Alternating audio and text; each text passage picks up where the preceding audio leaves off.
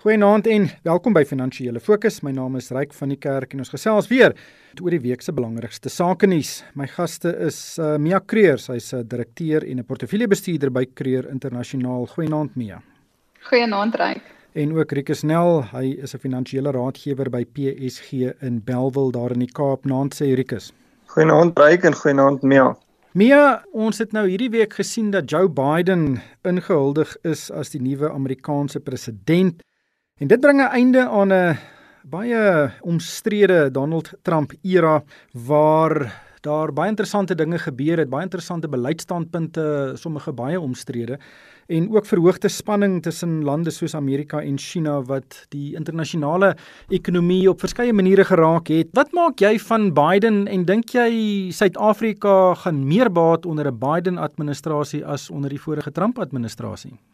Ja, Ryk, ek dink um, as ons net kyk wat op die oomblik aan die gebeur is en hoe die markte gereageer het eerstens net um, met die inhuldiging van die 46ste president nou daar in die FSA, dan sien ons dat die markte dit baie goed gevat het. Hulle het 'n uh, mate van sekerheid of sal ek sê kalmte eerder ervaar uit die uh, inhuldiging van die nuwe president en Ek dink dit is tot 'n tot 'n mate die gemoedstoestand van die meerderheid mense na die absolute storm wat ons ervaar het met hoe Trump die verkiesings se uitspeling hanteer het.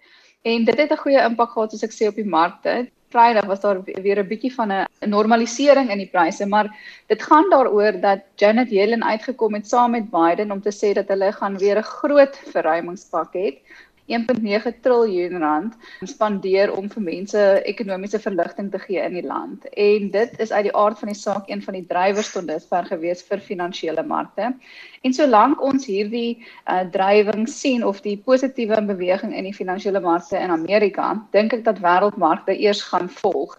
Nou die ander positiewe was uit die aard van die saak tot nou toe, die laaste paar maande toe die um, toe die nuus oor oor die maatskappye nog 'n bietjie minder was was almal baie positief oor die uitrol van die van die verskillende inentings. En dit gaan uit die aard van die saak ook 'n positiewe impak hê soos wat hierdie inentings uitgerol word. Ons weet dit gaan nie die die virus net wegneem in die nabye toekoms nie, maar dit behoort tog vir mense bietjie meer beweeglikheid te gee soos wat die inentings meer meer op 'n breë basis uitgerol word. En dan die derde ding wat ons sien is dat ons hierdie afgelope week weer begin het met die rapporteringsseisoen in Amerika waar die maatskappye hulle laaste kwartaal van verlede jaar resultate bekend maak. En met van die maatskappye wat ons tot dusver gesien het, praat ek van Procter & Gamble, van die banke en dan natuurlik Netflix, was die resultate heelwat beter op sekere fronte as wat verwag is en dit het natuurlik die mark verder gedryf. Rikus, jou gedagtes oor die nuwe president? Ja, ja, is heeltemal reg. Ek dink daar's uh, al wat 'n mens kan byvoeg is miskien net 'n fokus om of uh, die beklemtoning dat die Amerikaanse ekonomie bestaan 2/3 uit verbruikersspandering en 'n baie groot gedeelte van hierdie stimulus wat voorsien word aan die die burgers van Amerika eindig op en en kan ons sien het opgeëindig in aanvanklike besparing en belegging en uh met die wete dat dit éventueel in die ekonomie gaan uitvloei in terme van spandering. So ek dink dit is vir die markte tot 'n groot mate ook begin verdiskonteer. Uh so dis definitief 'n baie groot fokus rondom die stimulasie pakkette. Ek dink miskien net wat ek net kan byvoeg is uh Biden het wel ook sy verkiesingskampanje gehardloop op uh, belastingverhogings maar sy sy magsverdeling in waar hy hierdie verhogings gaan moet voorstel en goedgekeur kry dink ek is taamlik verdeeld en gaan dit moeilik wees om dramatiese uh, verhogings deur deur te kry. En dan miskien net die laaste deel is daar is goed in die agtergrond wat tot sy voordeel is behalwe die onsekerheid wat Trump miskien in handelsoorlog gesprekke en en tweets en so uh, in die wêreld ingestuur het. Daar's 'n agtergrond van van bietjie rustiger en stabiliteit en miskien weer 'n fokus na meer van 'n globaliseringsoogpunt eerder as 'n verdeeldheid en 'n onsekere handelsomgewing wat ons onder die Trump administrasie gesien het. Ja, ek dink ook mense gaan 'n meer voorspelbare Amerikaanse regering hê en hopelik kan dit daarom ook 'n bietjie die die senuwees kalmeer. Gaan interessant wees en en en hopelik kan onder sy leiding die wêreldekonomie bietjie beter vaar en en ons ook. Maar ja, ek is bekommerd oor hoe die aandele markte vertoon het. Ons is nou sedert November meer as 20% op. Is hierdie nie 'n bietjie van 'n oorreaksie nie? Ja, Rank, ek stem met jou 100% saam. Die waardasie op die mark lyk baie ehm um, baie duur op hierdie tyd. As ons kyk wat jy koop nou vir die verdienste wat jy in die, in die volgende 12 en 24 maande gaan kry. Maar wanneer ons kyk na die drywers vir die pryse en hoekom die pryse beweeg het soos wat dit beweeg het die laaste tyd, gaan dit alles oor die sentiment rondom die verwagting van herstel in die ekonomie en natuurlik dan om net oor die korter termyn in die Amerikaanse mark veral te kyk oor hoe hierdie maatskappye na die mark toe kom met hulle nuus. En soos ek nou ook genoem het vroeër is dat die die nuwe president Biden 'n baie groter kalmte ingebring het. So ja, aan die een kant weet ons dat die pryse op 'n waardasiefront nie baie aantreklik lyk op hierdie stadium nie, maar daar is op hierdie oomblik minder negatiewe wat die pryse gaan dem wat ek kan sien in die voorsienbare toekoms as wat daar drywers is om dit verder aan te jaag. Nou, ons weet almal dat die markte bitter min op hulle billike waarde verhandel. Ons het ek het verskeie uh, gesprekke hierdie week geluister van internasionale fondsbestuurders en die meerderheid van hulle is dit een dat die markte bietjie te duur lyk op hierdie tyd.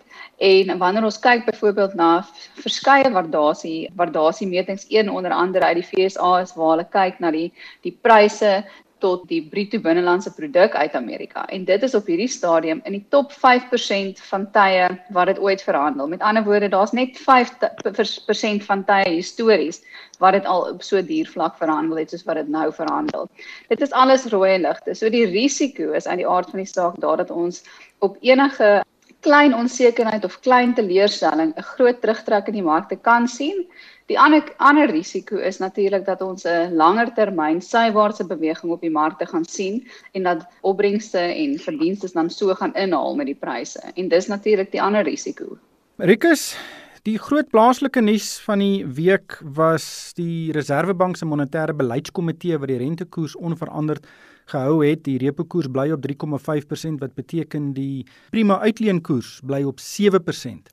Nou dit is algemeen verwag en dit volg op 'n inflasiesyfer vir 2020 wat aangekondig is van 3,3% wat sy laagste vlak in 16 jaar is. En dit is nie vir die regte rede so laag nie want dit spruit uit hierdie absolute daling in ekonomiese aktiwiteit. Verbruikers en maatskappye kan net nie meer hoër pryse betaal vir produkte en dienste nie. Wat het jy gemaak van van daardie aankondigings? Ja, Ryk, so ek dink ons almal het gehoop seker vir 'n verdere rentekoers uh, verlaging. En as ons hoor, jy weet wat buite aangaan ekonomies, weet ons dat so iets moontlik dit kan aanhelp en en en besighede daar buite help. Ek dink wat ons ook net in ons agterkop moet hou is dat ons tussen uh, in 2020 letterlik 3 3% verlagings ge, wel ge, wel gekry het wat wat dramaties is. Nou as ek na die monetêre beleidskomitee kyk, dan dan tref dit my dat hulle altyd die keuse volgens my opsomming uh, kies na stabiliteit eerder as 'n korttermyn oplossing ensovoorts. So die komitee was wel verdeel twee wat gewel gevra het dat die dat die koers vel gesny word en op die einde is dit besluit om dit om dit stabiel te hou. Nou ek dink hulle is in twee geskeur. Hulle het 'n inflasie mandaat wat hulle basies najaag en en en probeer bestuur dis duidelik dat dit nie 'n risiko is op die stadium nie. Daar is nie 'n koste druk inflasie ter sprake nie en en dit spruit miskien voor dat ons werk uh, loosheid is is hoog. Mense kan nie vreeslik in in in uh, lone en salarisse meeding en en uh, onderhandel vir verhogings nie. Uh, Daar's ook nie 'n 'n vraag of 'n trek inflasie ter sprake nie. Maatskappye kry dit nie op die stadium reg om prysverhogings deur te gee na verbruikers toe nie. So daar's 'n baie prysensitiwiteit in die mark en ek, ek dink die, die beleidskomitee is in twee geskeur gewees om te sê maar kom ons kom ons handhaaf hierdie stabiliteit in teen die rentekoerse wat hulle wel aanbied vir buitelandse beleggers bied ons 'n hoër stabiliteits uh, beleggingsomgewing as ons onsself met van daai lande vergelyk en ons gee baie baie beter rentekoers as as van die ander lande of of in elk geval in die spektrum wat wat ons dan aanbied. So ek ek dink dit gaan 'n hulle wil 'n stabiele omgewing hê en in so mate beskerm hulle ook die rand en ehm um, ek ek sê altyd die beste uitkoms in 'n lae opbrengsomgewing wat definitief onsself in in bevind in 'n lae groei omgewing is definitief lae inflasie keuse ook en ek dink dit het hulle dan reg gedoen. Ja, Mia, ek dink Rikus het nou 'n baie goeie argument gemaak dat uh, rentekoerse verder verlaag moet word. En dit is vir my kommerwekkend geweest dat die president van die Reserwebank, Tsetja Kanyago, daarop gesin speel dat ons nie weer binnekort 'n verlaging gaan sien nie. Hoe sien jy die storie? Ja, Ryk, dis 'n moeilike situasie want dit lyk op hierdie stadium of enige beweging op of af 'n negatiewe impak op die rand sou gehad het. Ons kan nie die rentekoerse te ver verder verlaag nie want die voordeel wat 'n mens daaruit gaan kry van 'n ekonomiese punt af is regtig nou beperk. En dan wanneer jy kyk na die negatiewe prentjie wat dit uitstuur na buitelandse beleggers, is dit ook nie positief nie. So Ons moet ook in ag neem dat jy weet ten spyte van die feit dat dit die ekonomie op die plaaslike front moet moet aanwakker en moet aanhelp, gaan die effek van 'n verdere besnoeiing van die rentekoers regtig waar beperk wees. So dit is soos wat Rikus nou ook gesê het, hulle is nou besig om 'n stabiliteitsprogram uh, te probeer handhaaf. Dit was nog altyd hoe hulle die sake gedryf het en dit lyk of hulle gaan voortgaan daarmee. Hulle grootste fokus nog altyd was waar die waar die inflasiekoers lê en op hierdie stadium lyk dit vir ons of hulle inflasie uh, koersskatting vir hierdie jaar en vir volgende jaar maar redelik laag is en dis rondom die gemiddeld van hier by 3.3 3.5% onder 4% en dit het tot 'n tot 'n effek dat mense minstens nie meer betaal nie. So op 'n reële vlak bly mense tot 'n voordeel maar ja daar is verskillende menings daaroor. Aan die positiewe kant kan ek dalk net noem dat ons gesien het dat daar heelwat invloeye was einde verlede jaar, die laaste kwartaal in die plaaslike staatseffekte in omdat ons sulke aantrekkende hmm. koerse hier het. En ons het toe in die eerste week in Januarie ongelukkig 'n groot uitvloei gehad en julle het ook gesien wat die effek van die rand was. Die rand het natuurlik baie verswak tot omtrent 15.50 van 14.50 af. Maar toe kyk ons na die syfers nou, tot en met die 5de, so die tweede week en dit het vir ons gewys dat daar weer 'n groot invloed was, nie net in effekte nie, hmm. maar ook na aandele toe. So op hierdie stadium staan ons op 'n positiewe invloed van buitelandse beleggers van omtrent 7,5 miljard rand op aandele en 2.2 miljard op die effekte. En dit was nou verlede week het dit dan nou weer omgedraai. So dit is minstens positief en dit is een van die positiewe wat ons kan kry uit 'n bestendige rentekoers van hier af vorentoe. En dan natuurlik moet ons ook in terme van die wêreldprentjie kyk na Suid-Afrika se posisie. En ons weet dat in die wêreld het rentekoerse laagtepunte bereik en lyk dit meestal of die volgende bewegings op sal wees. Die verwagting is nie dat daar enige rentekoers toenames wêreldwyd gaan gebeur in die volgende jaar nie, maar die volgende beweging gaan heel waarskynlik op wees en nie af nie. Ja, ek ek voel net dat die Reserwebank kan nog 'n strooi halm afhaal van die die druk op ons ekonomie met 'n rentekoersverlaging omdat inflasie net eenvoudig glad nie 'n probleem is nie. Ek dink die slim ekonome sal seker met my verskil. Maar Rikus, uh, wou jy iets byvoeg? Ja, ek dink jy's reg en ek maar ek, ek sê net dis 'n baie moeilike besluit en ek dink wat slim ekonome dan nou opweeg is om te sê maar wat is die wat is die moontlike positiewe om dit verder met jy weet met waarmee gaan jy dit verder aanpas? Gaan jy dit met 'n kwart persent doen? Gaan jy dit met 'n half persent? Jy weet dis die volgende vraag en en dan is die vraag maar net jy weet is die potensiële positiefs wat jy kry uit verdere uh, besnyding is dit regtig beter as dit wat jy prys gee en en uh ja, so so ek sê dit dit wil lyk asof hulle elke keer maar meer 'n konservatiewe besluit neem. Ek dink ook baie pensionaarsse sal baie bly wees as nie verder verlaag nie. Dit was nou al 'n probleem verlede jaar met die 3 persentasiepunt verlaging in die rentekoers dat baie mense se inkomste gehalveer het veral as jy nou van rente leef. Dis ook 'n dinamika wat in ag geneem moet word. Maar Mia, daar is die krake in die ekonomie is besig om weier te word. Consol, die glasvervaardiger het byvoorbeeld hierdie week gesê hulle gaan 1.5 miljard rand verloor weens die huidige verbod op die verkope van alkoholprodukte en hulle gaan beleggings staak. SAB het ook 'n soortgelyke aankondiging gedoen dat hulle beleggings en investerings gaan uitstel. Hoe sien jy die huidige inperking maatreëls en die impak wat dit het op maatskappye soos die gasvryheidsbedryf wat afhanklik is van alkoholverkope en natuurlik die die die groot alkoholmaatskappye. Ja, reg, dit is ons ons lees almal in die media van hierdie syfers en dit is uh, oogpranende syfers wat ons hier sien en dit is glad nie goed om te sien wat die gevolge daarvan is nie. Jy sê self nou van Destel en van Consol spesifiek. Consol betaal bykans 8 miljard rand per dag om hulle besigheid net aan die gang te kan hou en dit is of daar nou 'n vraag is na hulle hulle glasprodukte um, of nie. En dan is daar natuurlik nie net hulle wat geraak word deur die deur die die perke nie, maar ook natuurlik van die kleiner besighede wat betrokke is by hulle wat of hulpbronne aan hulle lewer of bepaalde dienste en dan natuurlik verder kringend in die in die bedryf.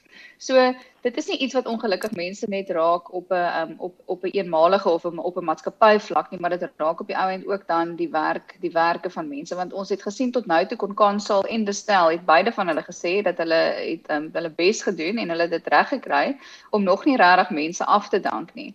Hulle het wel uh, hulle het wel die salarisse gesny maar hulle het nog al hulle hulle werksmag behou. Nou dit lyk of dit nou gaan begin verander en dan natuurlik soos jy sê, die groot investering in die land wat daarmee heen is. Ongelukkig voel ek daar's nie veel wat wat gedoen kon geword het om Suid-Afrika in 'n veiliger posisie te plaas wat die virus betref nie want wanneer ons kyk hoe dit by die by die hospitale gaan ja ons kan sê dit die dat die dat die um, aandklok reël tot 'n groot mate karre van die pad afgeneem het en dit is so.